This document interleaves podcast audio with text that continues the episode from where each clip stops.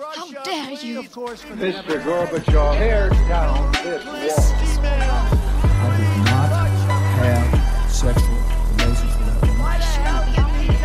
Read my lips. Hell yes, we're gonna take your AR-15. Well, I have a dream. Thank you. Jaha, da er vi klare for en ny episode av SOS. Harald eh, drikker øl og gjøra bøll. Han har kommet inn i studio. Endelig. Ende, ende, endelig. Du har overlevd helga. Ja, det var så vidt. Ja. Rådesokningene, de eh, Ja, der, der foregår det mye rart. Det er vel eh, Ja, du kan Det, ikke kanskje det ikke snakke om det. meste tåler vel egentlig ikke dagens lys. Nei, det, det tror jeg ikke det gjør, Akkurat som uh, de fleste andre stedene i Østfold. Ja. Viken. Sørøstviken Sørøstviken heter det. blir det vel. Det, Ja. det stemmer, det. Så vi må ha, vi må, det må vi ha ha, ha på G, for det er eh, Vi har jo reformert landet eh, til det bedre. Men eh, vi er klar med en ny episode, og vi har jo et skikkelig skikkelig i tema i dag. Nå har vi gått i skattkista, dratt opp. Det er skikkelig god bit. Ja, nå har vi pussa støvet av eh, av gullbarnet i skatte, skattkista vår. Mhm. og, den, og det som kommer opp, er politisk deltakelse. Og det er eh, ja, Vi, snakket, vi har snakka mye om det her i podkastene. Vi snakka mye om det her i livepoden vår fra Fredrikstad. Og det kan vi jo også bare kanskje snakke helt kort om. Hvordan uh, syns du den uh, livepoden uh, i Fredrikstad? Det kom jo egentlig ganske bra med folk. Ja, det var eh, ganske god eh, deltakelse. Det var vel i hvert fall en 30 stykk eller noe sånt. Mhm. nå. Det er jo det må man jo si være Ja, mandag kveld i Fredrikstad. Absolutt. Så, um, så det var en mo veldig morsom seanse. Eh, vi, jeg føler vi fikk, fikk presentert en del viktige trekk ved demokratiet. Og Mm. Mange fikk gode spørsmål. Ja, eh, spesielt um, det siste. Med, vi fikk veldig mange gode spørsmål, så det var Mm. veldig, um, veldig spennende. Lyden, lyden var litt eh, dårlig i lokalet, så for de som hører på episoden, så var det litt sånn. Men vår eminente eh, mikser, Thomas, han har gjort en kjempegod jobb med å få fram de poengene. Men det var kjempemoro. Det blir jo ikke siste livepoden vår, Det forhåpentligvis. For vi, det kan hende vi har store nyheter i, som kommer. Det, På det kan være. Store Så det er bare å vente i spenning Så det er bare å vente i spenning. Men uh, dagens tema, politisk deltakelse. Man kan gjøre et argument for at politisk deltakelse, det at man faktisk engasjerer seg i det politiske systemet, er noe av det som gjør demokratiet forbanna viktig. For å svare på det spørsmålet som vi har snakka om. Nå har vi kanskje litt ulike syn på det, eller vi kan i hvert fall fremføre ulike argumenter for det. Men vi skiller ofte mellom det med politisk deltakelse som konvensjonell eller, ikke, eller ukonvensjonell politisk deltakelse. Og ukonvensjonell politisk deltakelse er sånn type gule vestene i Frankrike. De står på en måte utenfor systemet. De demonstrerer, men de demonstrerer jo om og prøver å få innflytelse over det konvensjonelle politiske systemet. Og, så det er ukon ukonvensjonell deltakelse for å påvirke konvensjonell politikk. Det er vel en grei definisjon av den. Ja, og det gjelder jo også mange sosial, andre sosiale bevegelser som, Mm. som forsøker å, å skape ikke bare, ikke bare eh, politisk endring i, i det konvensjonelle systemet, men også eh, påvirke folks Mm. eh, holdninger eh, og hva, hva folk flest eh, mener om eh, en del politiske og sosiale spørsmål. Mm, ja, ikke minst. Fordi at, og det er jo et godt poeng, fordi det er jo ikke sånn politikk bare foregår i, i, de- i noen satte rammer. Man, det foregår jo ikke et vakuum. Det påvirkes jo av en rekke andre faktorer. Men så har vi konvensjonell politisk deltakelse finner sted innenfor det vi kaller de formelle politiske og juridiske rammene. Og um, et, et eh, klassisk syn på nettopp det her er jo de gamle grekerne. Deliberasjon, det å være med i demokratiet, er en sånn karakterbyggende prosess og oppgave. Ved å være med så tar du ansvar for samfunnet, og du lærer ting, og du respekterer mennesker, og man når fram til et sånt syn. Og på den måten så kan man jo si at det å være medlem, medlem av et politisk parti er ganske viktig for et demokrati. Det er et argument, en side av det. At man er med i det. Og vi har jo sagt det at eh, eller man ønsker jo, i hvert fall er det den tradisjonelle linja i Norge at, man, at eh, liksom man oppfordres nesten til å være litt i, i partier òg, og, og ta del i politikken.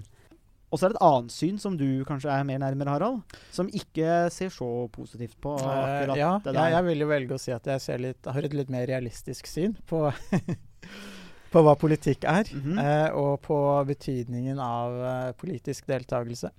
For eh, hvis, det- hvis det var sånn at alle skulle delta politisk, så ville vi jo egentlig ikke mm, klare å beslutte noe som helst. Og det er jo ikke, det er jo ikke plass til og rom for at alle skal eh, delta heller. Så i et, i et moderne samfunn så er det mye mer krevende å organisere politisk aktivitet som en, en breddebevegelse. Mm. Eh, og um, det er jo også sånn at for veldig mange mennesker så, så har de ikke tid til å engasjere seg politisk, det er, selv om de er interessert i politikk. Og det er rett og slett fordi at uh, timene og dagene strekker ikke til. Livet er Mm. for kort. Ja, som du sa i Fredrikstad, man har bedre ting å drive med. Ja, de fleste har faktisk bedre ting å drive med enn eh, politikk, fordi de har familie, barn, foreldre og hobbyer og jobber, og de må vaske klær og Ja. lage mat og alt mulig. Beskjære epletrær. Beskjære epletrær, ikke minst. Ja. Det, er jo, det er jo den eneste grunnen til at jeg ikke er engasjert politisk. men, men poenget mitt er det at det er litt for enkelt. Det, jeg tenker at det er litt for enkelt. Det er litt sånn tradisjonelle synet på, på Ja. politisk deltakelse. Det, man, man, samfunnet er ikke tilpassa politisk aktivitet sånn som man ofte idealiserer det. Mm, ja, det med idealisme er jo interessant. Uh, men, vi, men må vi ha altså et visst nivå av politisk deltakelse i et demokrati? Er det Kanskje. kanskje? Ja, altså vi ser jo at uh, det er jo relativt få som engasjerer seg politisk. Men likevel så fungerer det politiske systemet ganske greit likevel. Mm. Og den involveringen de aller fleste har, er jo å, å stemme ved valg. Og det er jo kanskje to tredjedeler, tre fjerdedeler av befolkningen. Ja. jeg sitter jo foran her med en, en pyramide som vi begge kjenner til. Eh, som setter opp litt sånn skematisk eh, deltakelse i liberale demokratier. Og da er det det man kaller gladiatorene på toppen. Det er de som egentlig kjemper de politiske kampene. Og det er sånn ca. 5-7% av befolkningen. I beste fall, kanskje. i beste fall. Og så har, man, har de delt opp da til de som ser på. Tilskuerne. De ser på politiske hendelser og deltar via stemmer. Og det ligger på rundt 60% i den pyramiden. Og det stemmer jo egentlig sånn cirka ganske godt med valgdeltakelsen i Norge òg. Det, det gjør det absolutt. Eh, Det er Rundt ja, 60%. pl- pluss-minus. Ja. Så ligger det på, på det nivået. Og i et veldig godt valg så kan det jo nærme seg 70 og litt over 70. Mm. Og i eh, lokalvalg så har det jo um, tidvis og stedvis vært eh, godt under 60 også. Mm. Så, så den pyramiden som du snakker om nå, gir jo et veldig godt inntrykk av hvordan eh, den politiske interessen fordeler seg i befolkningen. Og så har man de, de som er apatiske. De som ikke bryr seg. Eh, de ligger på rundt 35% da, i denne pyramiden. Men, Ja. eh, men et sted der det flukturerer jo litt. Det går jo opp litt, litt opp og ned, som du sier, fra avhengig fra valg til valg og sak til sak. Men det gir uansett et representativt bilde at de som er aktive politisk, det er en ganske liten del av befolkningen. Det er absolutt, og det, sånn er det jo. Altså, det er jo relativt få plasser i et kommunestyre. Det er jo eh, bare 169 plasser på Stortinget. Eh, og det, det, det gjør at altså, selv om alle ville hadde lyst til å engasjere seg, så er det ikke mulig for alle å engasjere seg Mm. innenfor i hvert fall det, det mer sånn konvensjonelle eller for, formelle politiske Mm. systemet. Men det er jo mulighet for alle som ønsker å engasjere seg. og Det er jo ikke det at å engasjere seg er negativt på noen måte, men det er bare det at å sette det som et absolutt krav på hva som er en god borger, er, kan, kan, kan jo også kanskje være litt strengt. Og gjøre at folk tenker at politikk ikke er noe for meg i det hele tatt. Mm. Men Jeg tenker det er også er interessant det du sier med det med idealismen. For vi, det kan jo hende at vi på en litt forenkla måte setter opp deltakelse og det som et sånn ideal, uten å egentlig tenke på uh, at det, det krever mye ressurser, det krever mye av oss. Uh, det, det, det, vil øke, det vil sette noen begrensninger eller kanskje utfordringer for hvordan man gjennomfører politiske prosesser òg, hvis deltakelsen er liksom, enorm òg. Ja, og, og, i et massesamfunn, i et i store, eh, åpne samfunn, så er det jo også vanskelig å kreve veldig mye av, eh, av borgerne. Mm. Fordi vi har rettigheter til, og muligheter til å leve livet sånn mer eller mindre som vi, eh, Ja. som vi ønsker. Og hvis vi ikke ønsker å engasjere oss politisk, så, ja, så er det et valg vi gjør. Og mm, så lenge det politiske systemet og institusjonene overlever og bevares, så kan man jo si at deltakelsen er tilfredsstillende. Mm. Men, ja, men er det da et krav om at du må ha nok deltakelse over tid òg for at institusjonen skal holde seg? Ja, det, det, det tenker jeg er et av de viktigste spørsmålene. Og rent empirisk så er det jo vanskelig å, å måle det her. Mm. Uh, men uh, man ser jo at altså, det er jo, som du refererte til, fem til syv som er såkalte gladiatorer. Og aktive deltakere, og det er jo en veldig liten del av uh, befolkningen. Mm. Uh, så, så spørsmålet er jo Det virker som at man kan få det politiske systemet til å fungere noenlunde greit med ganske få politisk aktive. Mm. Og så er det sånn for gladiatorene at når de hadde kjempa, og de stakkarene som Eller vi får si de, de få heldige som faktisk kjempa lenge nok, og som overlevde, de blei jo fri. De slapp jo ut av systemet. Og eh, Harald, eh, Harald, vi har aldri vært gladiatorer.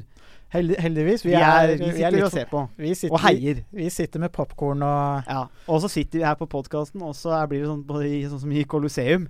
Da sier vi bu og jeg og nei, og så gir vi tommelen opp og ned på politikk. Men vi er jo ikke gladiatorer. Men da er du heldig at vi har en tidligere gladiator på høyskolen for å snakke om, em, om politisk deltakelse. For vi må jo hente inn eksperter på, på disse elementene, og, den, em, og det har vi gjort. Det har vi Eh, vi erkjenner når vi ikke Når, vi, ikke, når vi ikke strekker til, når vi ikke strekker til, så erkjenner vi det. Og så tenkte vi det med politisk deltakelse Vi kan jo snakke om det her i, i teoretiske termer. Faglige termer. Og det er jo interessant for så vidt i seg selv. Men når vi er så heldige at vi har um, frigjorte gladiatorer her, så kan vi jo uh, Som har overlevd uh, flere år i Colosseum. Ja, og det, og, og, og, og det kan vi se. Uh, Det men, syns. det ses. Men, eh, og det tenker jeg er egentlig fryktelig moro, for da kan vi gå litt dypere inn i kanskje de mer praktiske elementene ved politisk deltakelse i den måte, konvensjonelle formen. Så um, vi huka tak i deg, Maria. Ja, hei. Hei. Hei. Du, uh, du jobber jo her på høyskolen. Det gjør jeg. Uh, er litt in involvert i podkast nå, faktisk. Ja, bare litt. grann. Bare litt grann. Ja. Men du har jo en eh, politisk uh, fortid, Ja. og den har vi lyst til å grave litt uh, dypere i i dag. Mm. Og em, du kan jo forklare det, du kan jo eh, fortelle om det her sjøl, men hvordan og hvorfor ble du politisk eh, aktiv? Um, jeg blei politisk aktiv jeg tror det var siste året på ungdomsskolen eller noe sånt. Eller, eller første året på videregående eller et eller annet. Men um, jeg har alltid vært sånn som har ment ting. Sjokkerende nok. Mm. Så det, jeg hadde jo mye meninger om alt mulig, og så ble jeg aldri valgt til elevrådsleder, og det satt liksom litt dypt, da. Så jeg var litt bitter for det. Harald har en del eh, her, her sitter du en tidligere elevrådsleder. ja, du ja, selvfølgelig, for du er den typen. Jeg, jeg, ja. ja. Og Harald har mye hat Ja, eh, nettopp, og det har jeg òg. Eh, Så er det to mot én her. Ja. Men eh, etablissementet. Og så eh, var det Det var jo FPU, da. Men det var fordi at de var egentlig det eneste synlige ungdomspartiet hos oss i Askim. Og så var det ei venninne av meg som skulle på et møte der. Og dro meg med, og så blei jeg med og meldte meg inn på møtet, for det måtte man tydeligvis gjøre. her Og nå. Og så på neste møte så ble jeg spurt om jeg kunne være formann. Og jeg bare eh, Ja, det kan jeg. Fordi makt, det er kult. Så ja, så da blei jeg med der, og så Men ble du formann Ja, ja. etter ett uh, møte? Ja, ja. For da, men det var fordi vi skulle starte opp lokallaget. Så de hadde jo liksom ikke noe fundament å, å ta i tak i. De hadde jo ikke Så det var folk. helt nytt. Ja, det var 18 medlemmer. Når var det her? Det var i 2010? 2010, ja. ja. mhm, noe sånt. Um, og Men da, kunne du blitt med i et annet parti? Jeg hvis, veit hvis, ikke. venni- hvis venninna di hadde tatt deg med på SV sitt uh, Mm, eh, nei. Men det var litt det derre FBU var litt sånn sinna folk. Altså sånn, og det var jo jeg. Forbanna på alt. Hvis det var noen sin, som sinna på samfunnet? Ja, sånn der, Og det var sånn der Du skal kutte ut uh, tullete forbud og liksom klar tale og det der og sånt. Og da snakka de jo hovedsakelig politikk, liksom. Sånn, bare sånne småting som at de skulle kutte plomba på mopeden, eller la 16-åringer drikke øl, eller du veit. Altså, det var jo Saker som appellerer til eh, en 16-17-åring. Ja, særlig fra Indre Østfold. så Nei, men og så blei jeg formann, da, og da hadde jeg 18 medlemmer å holde styr på. Men eh, så vokste det jo. Brukte veldig mye tid på organisasjonsutvikling. Fikk være med på masse kurs, møte stortingsrepresentanter. Blei jo hivet ut i det. Jeg, hadde vært formann i én uke. Da var jeg en hel dag med Siv Jensen og skulle vise henne eh, Indre Østfold. Så jeg, ja, så jeg fikk jo masse, masse muligheter, og ble kjent med alt mulig. Av folk og systemer og sånt. Og så ble jeg satt på nominasjonslista til bystyret. Eh, og jeg visste ikke hva det var engang. Eh, og jeg sa bare ja. Og så ble jeg valgt inn på personstemmer, så jeg hoppa jo over folk og greier. Og plutselig satt jeg i bystyret, og jeg, det gikk veldig, veldig fort. Mm. Uh, det gikk jo under et år fra mitt første møte til jeg var formann og bystyrerepresentant.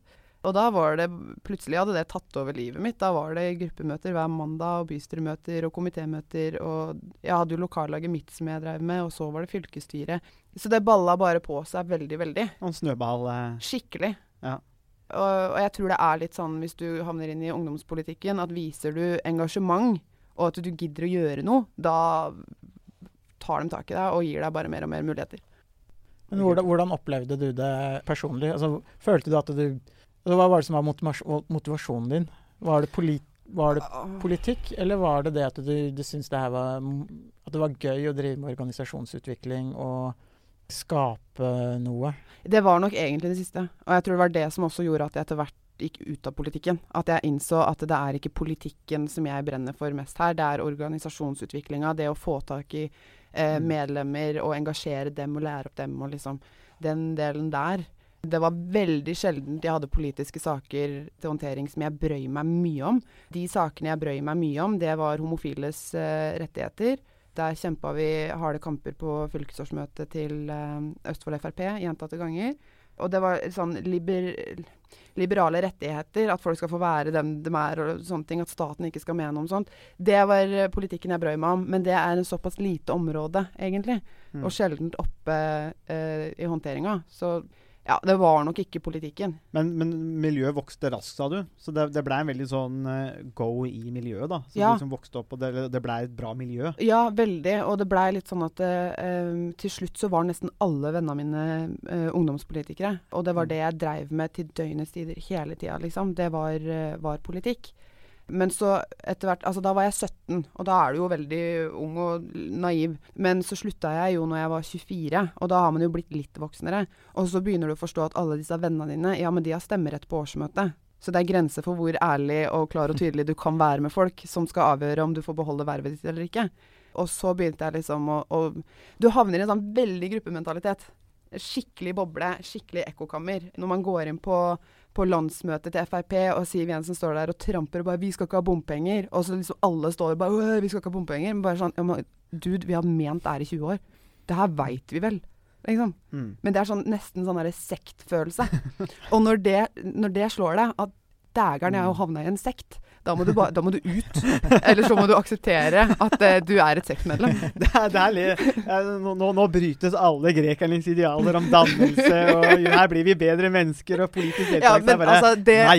det gjelder ikke meg uansett, Nei, fordi men- jeg er fra Indre og blei med i Frp. Det, Ja, du blir ikke eh, danna da. Nei, altså det, det å være fra indre i utgangspunktet er jo uh, Nei, såpass stor, uh, stort handikap at man Ja. kan, jo, kan jo ikke dannes. Nei, Så tapt kommer man liksom fra østsiden av Glomma, så er, jo, er jo det meste tapt. Men jeg tenker Altså, jeg, har- jeg har jo sagt, eller vært litt kritisk mot det dannelsesidealet, men kan man ikke også Hvis jeg, hvis jeg skal uh, forsøke å argumentere for dannelsesidealet, kan man jo ikke si at den prosessen du gikk igjennom, da, den utviklingen av organisasjonen og den uh, alle de sak, politiske sakene mm. som du måtte behandle og mene noe om, Mm. Altså, kan man ikke si at den prosessen er et godt eksempel på en, eh, en dannelsesreise? politisk dannelsesreise. Ja. Altså, jeg hadde nok aldri brukt ordet dannelse. Det hadde jeg ikke gjort. Men, eh, men det er klart at du lærer deg å forstå hvordan verden blir styrt. Hvordan landet ditt fungerer, og hvorfor ting er som det er. Men Eh. er ikke det Mm, Er ikke det, det er rett og slett dannelse? Så nå er jeg en danna person? Er det det du Eh, Det, det har jeg ikke sagt. Jeg, jeg, jeg stiller spørsmålet. Det er du som eh, Ja, nei, OK. Ja, jo, kanskje det, da. Jeg syns i alle fall det er viktig at man har den forståelsen. Mm. Og det er Men er det noen andre måter man kan få den forståelsen som du har, enn å, organi altså, enn å mm, være med, liksom. Ja, for hvis, vi, hvis vi står i OPA, altså off, i faget offentlig politikk og administrasjon, Ja, og skal begynne å forklare deg ja. eh, hvordan alle disse strukturene fun fungerer ja, da hadde jeg offentlig sovna sikkert, for det hadde bare vært sånne begreper Ja, som jeg sant? ikke kan. Så kanskje det her er en bedre måte, da, som Harald er inne på. At det, her lærer du Altså, det, er jo, det, er jo, så- det er jo teori og praksis. Altså, og det er, det er jo paradokset. Vi, vi bruker jo masse tid på å snakke med studentene og til studentene om ja, Norge fungerer på den og den måten. Mm. Eh, departementene har disse hovedoppgavene osv. Mm. Eh, og det er jo i og for seg greit nok, men samtidig så er jo det ganske fjernt fra liksom hva Så de diskusjonene som foregår Ja, på Stortinget, men også lokalt og ja og det, det ser jeg jo hvis jeg ser på nyhetene sammen med noen som ikke har vært med i, i politikken. Og så ehm, fremlegger en politiker et eller annet som en seier, eller noe sånt, så er det veldig lett for meg å se om det er en seier, kompromiss eller egentlig et tap. Mm. Uh, og det er jo fordi at jeg har vært i den situasjonen sjøl. Og jeg veit jo både hvilken retorikk en politiker bruker, fordi du vil jo fremstille alt som Mm. uh, en seier. Og så veit jeg hva som har vært veien dit, og jeg, vet, uh, jeg kan forstå kompromisser bedre. Mm. Fordi jeg, Du har større forståelse for ja, jeg har hvorfor, s- eh, forståelse for den politiske prosessen, og hvor langt det er fra å ha en eh, idé, god eller dårlig, til at det faktisk kan bli reell politikk. For hvis du har politiske venner på Facebook som har vært på et fylkesårsmøte, og så legger de ut at 'Å, jeg fikk gjennomslag for den saken', det er så gøy når det blir ekte politikk. Men det blir jo ikke det. Fordi det var fylkesårsmøte. Det er fylket i partiet ditt som mener det du mener. Og så skal det gjennom til landsstyrer, landsmøter, så skal det vedtas som partipolitikk. Så skal det opp i Stortinget, og så skal det bli politikk der. Den veien er dritlang. Og de fleste sakene ender jo aldri opp i Stortinget. Nei, de gjør ikke det. Men du skriver jo for papirkørga. ja, det er det er egentlig det du egentlig gjør. Og jeg tror det også var en av grunnene til at jeg, jeg mista litt eh, motivasjonen for å drive med politikken. Organisasjonsutviklinga var kul, men politikken endte aldri noe sted. Men, Men, eh, men hva gjør man da? Hvordan, hvordan kan vi forandre Norge politisk? Åh, jeg veit ikke.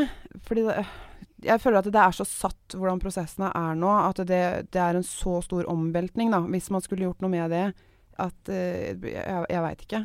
Mm. Fordi det er jo viktig at folk har et lokallag hvor de kan drodle på politikk og fremme forslag og sånt nå, men så er problemet at det tar altfor lang tid til at det dukker opp på Stortinget. Men Stortinget kan jo ikke få inn alle forslag som alle lokalpolitikere skriver. Jeg veit ikke. For da må man kutte et eller annet ledd på veien her.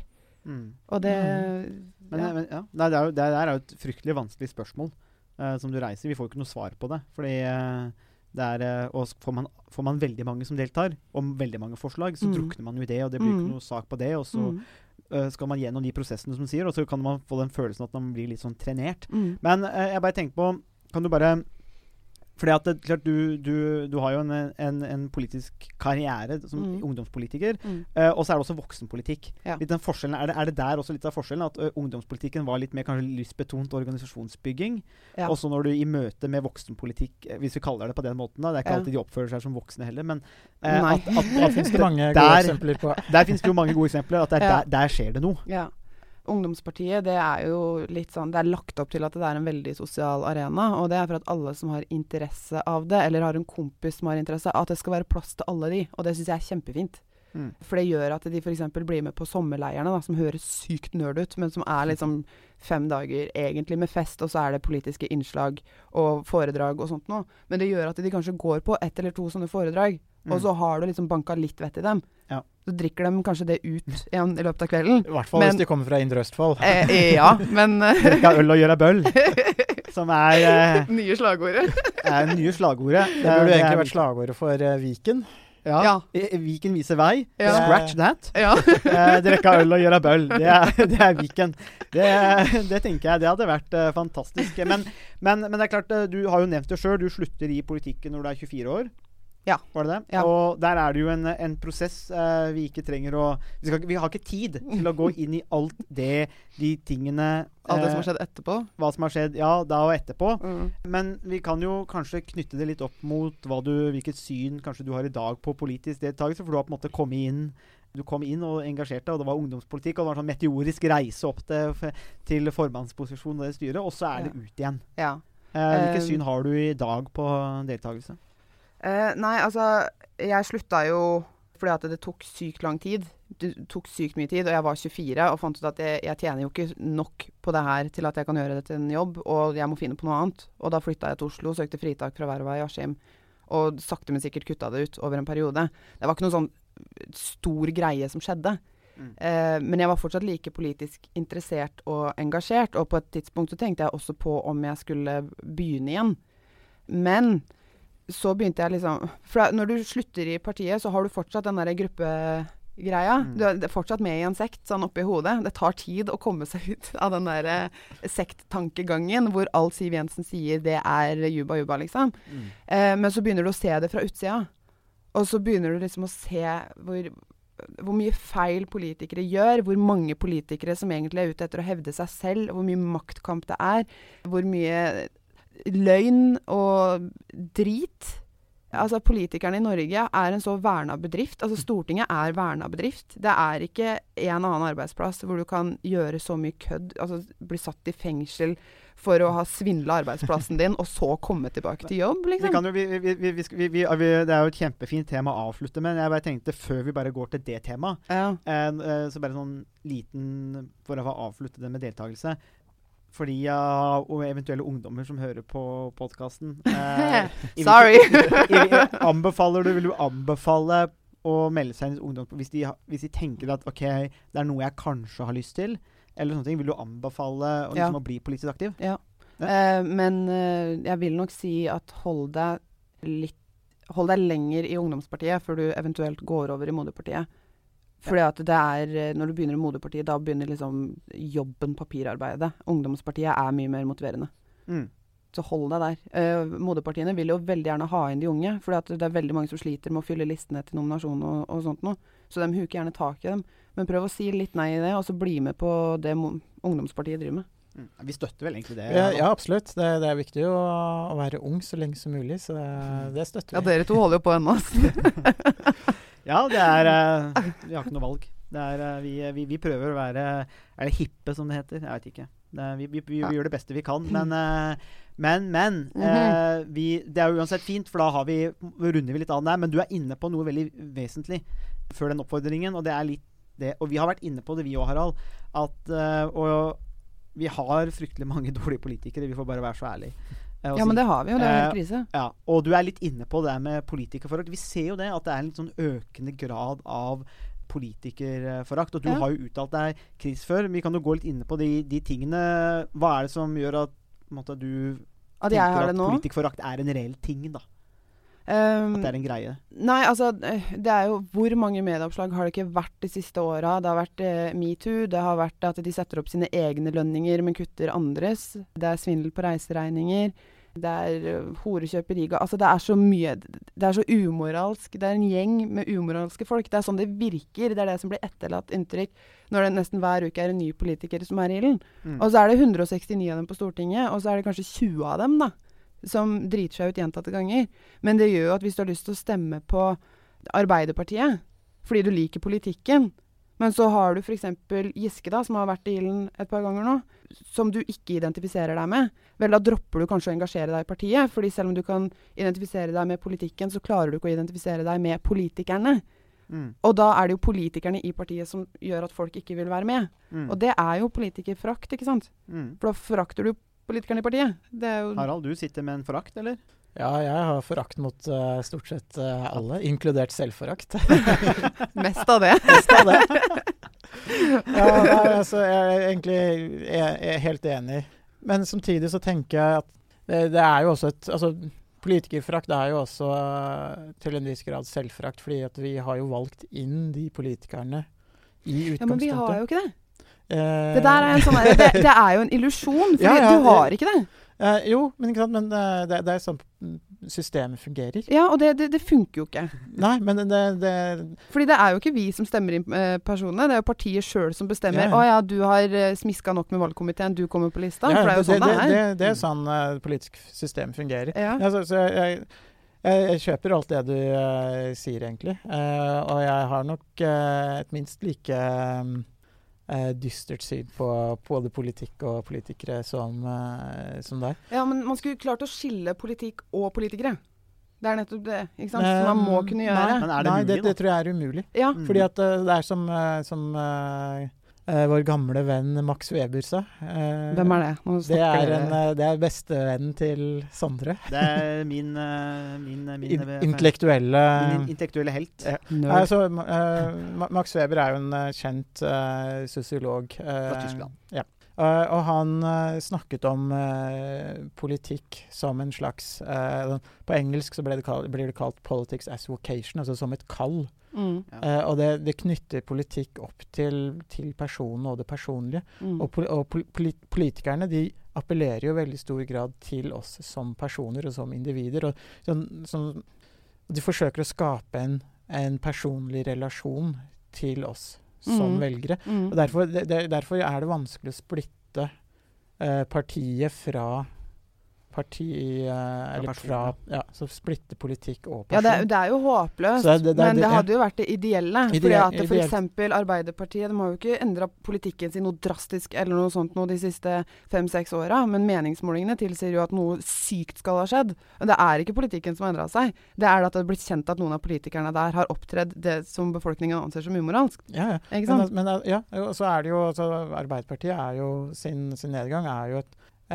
ledd i en internasjonal trend også, hvor man Mhm. ser at eh, arbeiderpartiene i mange land får sviktende opp oppslutning. Mm. Eh, så det her er, og det, jeg syns jo det her er ganske interessant, for her, her er det veldig mange faktorer som samtidig påvirker hvorfor vi tenker noen politiske partier ikke er interessante og relevante lenger. Mm. Og en del er jo altså, politikernes mer sånn personlige oppførsel, og det at de noen ganger gjør ting som de, har, som de får personlig vinning på. At de bruker den makten Mm. de har til personlig vinning. Mm. Men samtidig så er det sånn at vi ønsker politikere som kanskje noen ganger for å fremme samfunnets beste, også kanskje er litt slu og litt sleipe.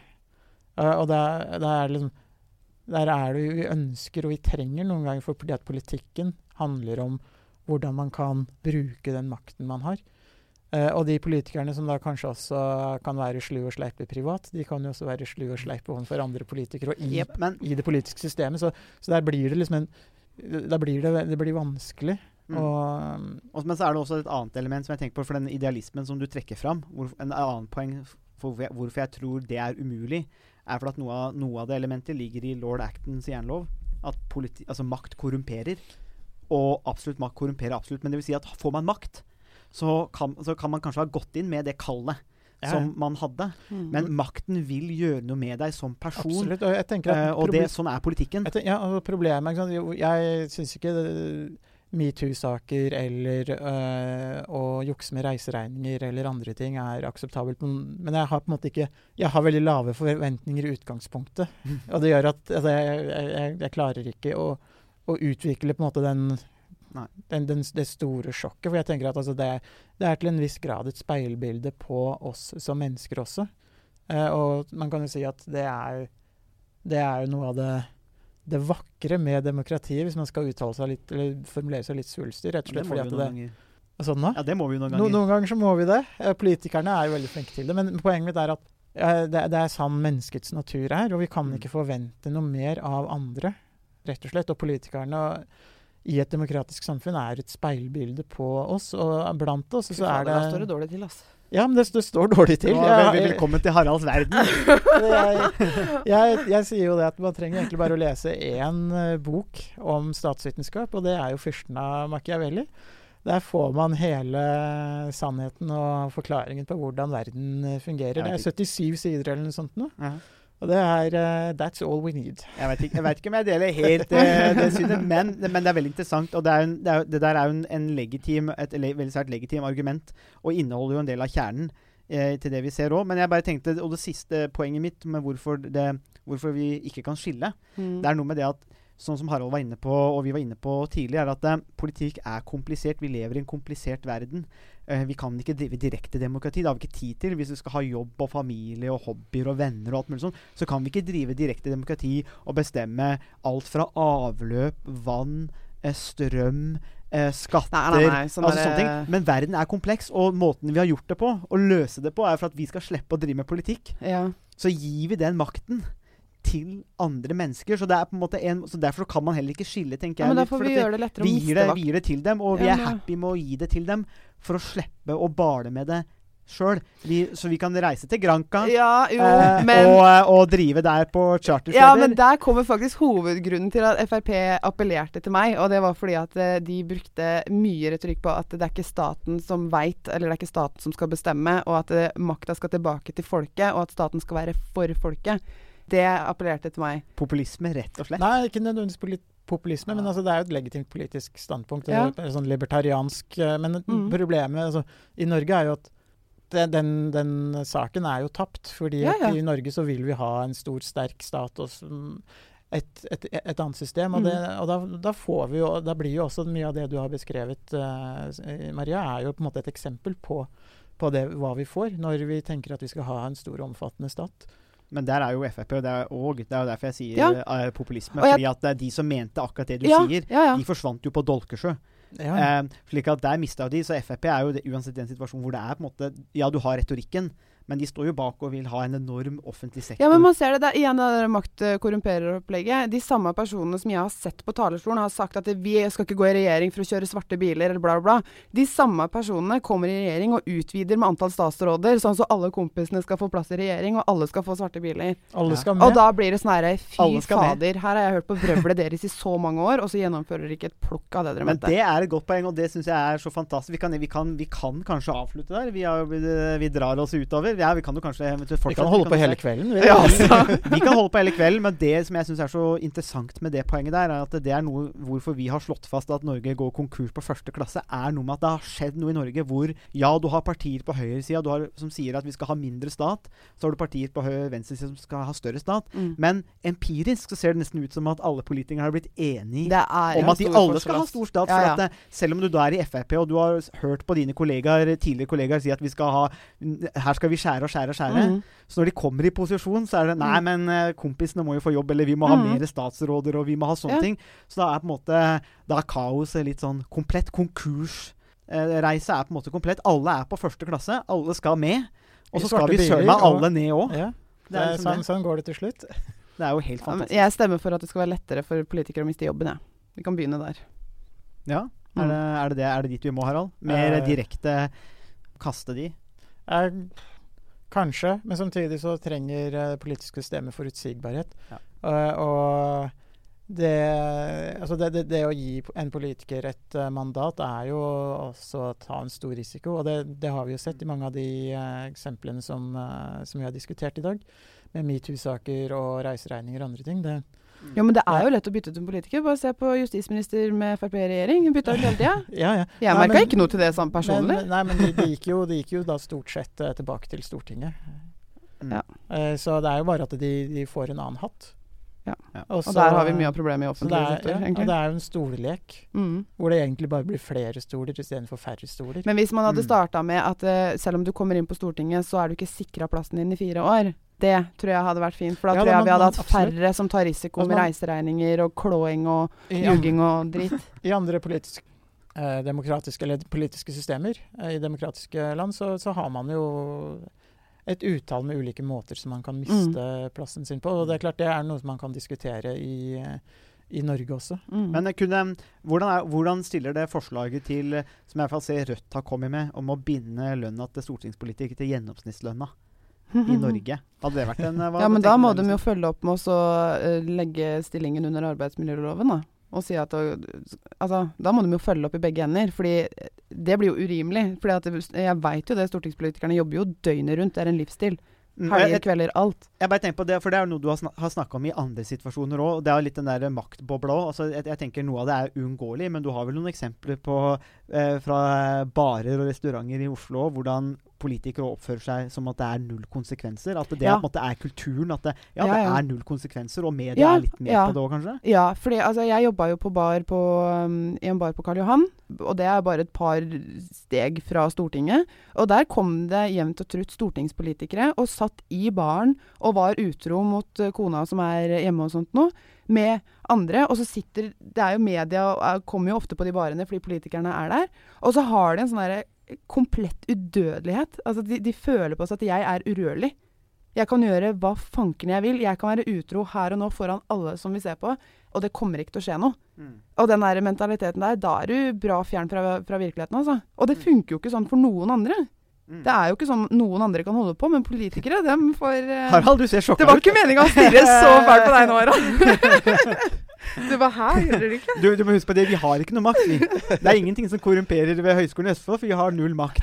Det, det er det som er så fint. Vi, vi, er, vi er blant de, de vergeløse og de maktesløse.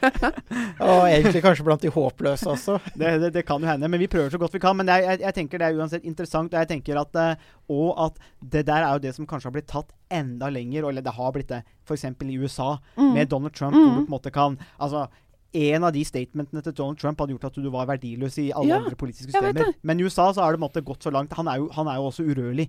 Altså, Ja. du, han behandler jo kvinner som drit. Ja, men det er bare det Nei, er men det, det. er greit. Hvis han, du, hvis du han er sitter som velger nå og ser på nyhetene altså Det er veldig opplagt at der har vi en liten gruppe mennesker. De kan holde på som de vil.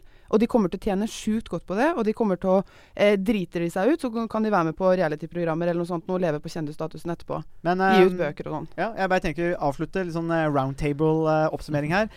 Harald, eh, får vi de politikerne vi fortjener? Og er det noe måte Altså, er det noe mer Du, du har jo kommet med litt sånn dystre spådommer rundt de tingene her, men eh, får vi de politikerne vi fortjener, og er det noe sånn er det noen vei ut? Altså, det noe, blir det bedre, det, eller er det, kom, er, blir det bare det mer av det her? Altså politikere som oppfører seg på den måten? Nei, altså jeg tror ikke nødvendigvis det blir Det er ikke sånn at det er gitt at det blir verre eller eh, bedre, men vi, vi, vi lever jo også i en, et samfunn som er annerledes enn det samfunnet som, som var for 30-40-50 år siden. Eh, altså tiårene etter krigen eh, stilte helt andre krav til oss som individer. Eh, og da hadde man en helt annen eh, politiker, eh, eller politiker, Mm. politikere. Eh, og i dag så, mm, så speiler politikerne også samfunnet i stor grad. Altså man, det er jo mange som stemmer i, i sånne reality-show. Og det er jo nesten flere som stemmer i reality-show enn i politiske valg. Og Mm. politikerne speiler jo også at de er jo en del av en, nesten en slags reality-konkurranse. Ja. Så vi, vi, vi får jo det vi fortjener, egentlig. Og Mm. politikerne speiler det samfunnet vi er en del av, uansett uh, hvordan man, uh, man organiserer politikken. Mm. Maria, hva tenker du? Jeg Eh, fortjener bedre enn det her, uten tvil. Det, ja. nei, men jeg tror at hvis man skal gjøre en løsning på det, så må, må man frata politikerne rett og muligheten til å bestemme sine egne lønninger og fordeler. For det er det ingen andre eh, i samfunnet som har. Det burde man bare fjerne og legge på et annet sted. Og så eh, gjøre den stillingen litt mindre verna. Det må de kunne gå i, fordi det regelverket som er nå, er jo kjempegammelt, og det funker jo tydeligvis ikke. Så hvis det begynner å vise seg til at hvis en politiker driter seg ut, at det blir konsekvenser, så kanskje noen flere velgere får, eh, får troa på politikerne igjen. Ja, jeg tenker det er en god oppsummering for, eh, for dagens podkast. Så får vi se hvordan det blir. Men vi kommer garantert tilbake til eh, temaene, for vi har jo noen valg som eh, kommer i nærmeste framtid. Så da kan det hende at vi kommer til å snakke om det seinere òg. Now, there's one thing you might have noticed I don't complain about politicians. Everybody complains about politicians. Everybody says they suck. Yeah! Well, where do people think these politicians come from? They don't fall out of the sky, they don't pass through a membrane from another reality. They come from American parents and American families, American homes, American schools, American churches, American businesses, and American universities, and they're elected by American citizens. This is the best we can do, folks. This is what we have to offer. It's what our system produces garbage in, garbage out. If you have selfish, ignorant citizens, if you have selfish, ignorant citizens, you're going to get selfish, ignorant leaders. And term limits ain't going to do you any good. You're just going to wind up with a brand new bunch of selfish, ignorant Americans. So maybe, maybe, maybe it's not the politicians who suck. Maybe something else sucks around here. Like the public. Yeah, the public sucks. There's a nice campaign slogan for somebody. The public sucks. Fuck hope. Fuck hope. Det var det vi hadde å by på i denne ukas episode av Statsvitenskap og sånt. Musikken er komponert av Robin Horvath, og Thomas Okulato står for miksing og redigering. Du finner oss på Facebook, bare søk på statsvitenskap og sånt. Der kan dere komme i kontakt med oss hvis dere har spørsmål eller kommentarer. Der finner dere også aktuelle artikler, videoer med mer. Vi setter pris på om dere liker sida, og deler den med andre som dere tenker vil ha glede av å høre på podkasten. Vi høres! And change is coming whether you like it or not.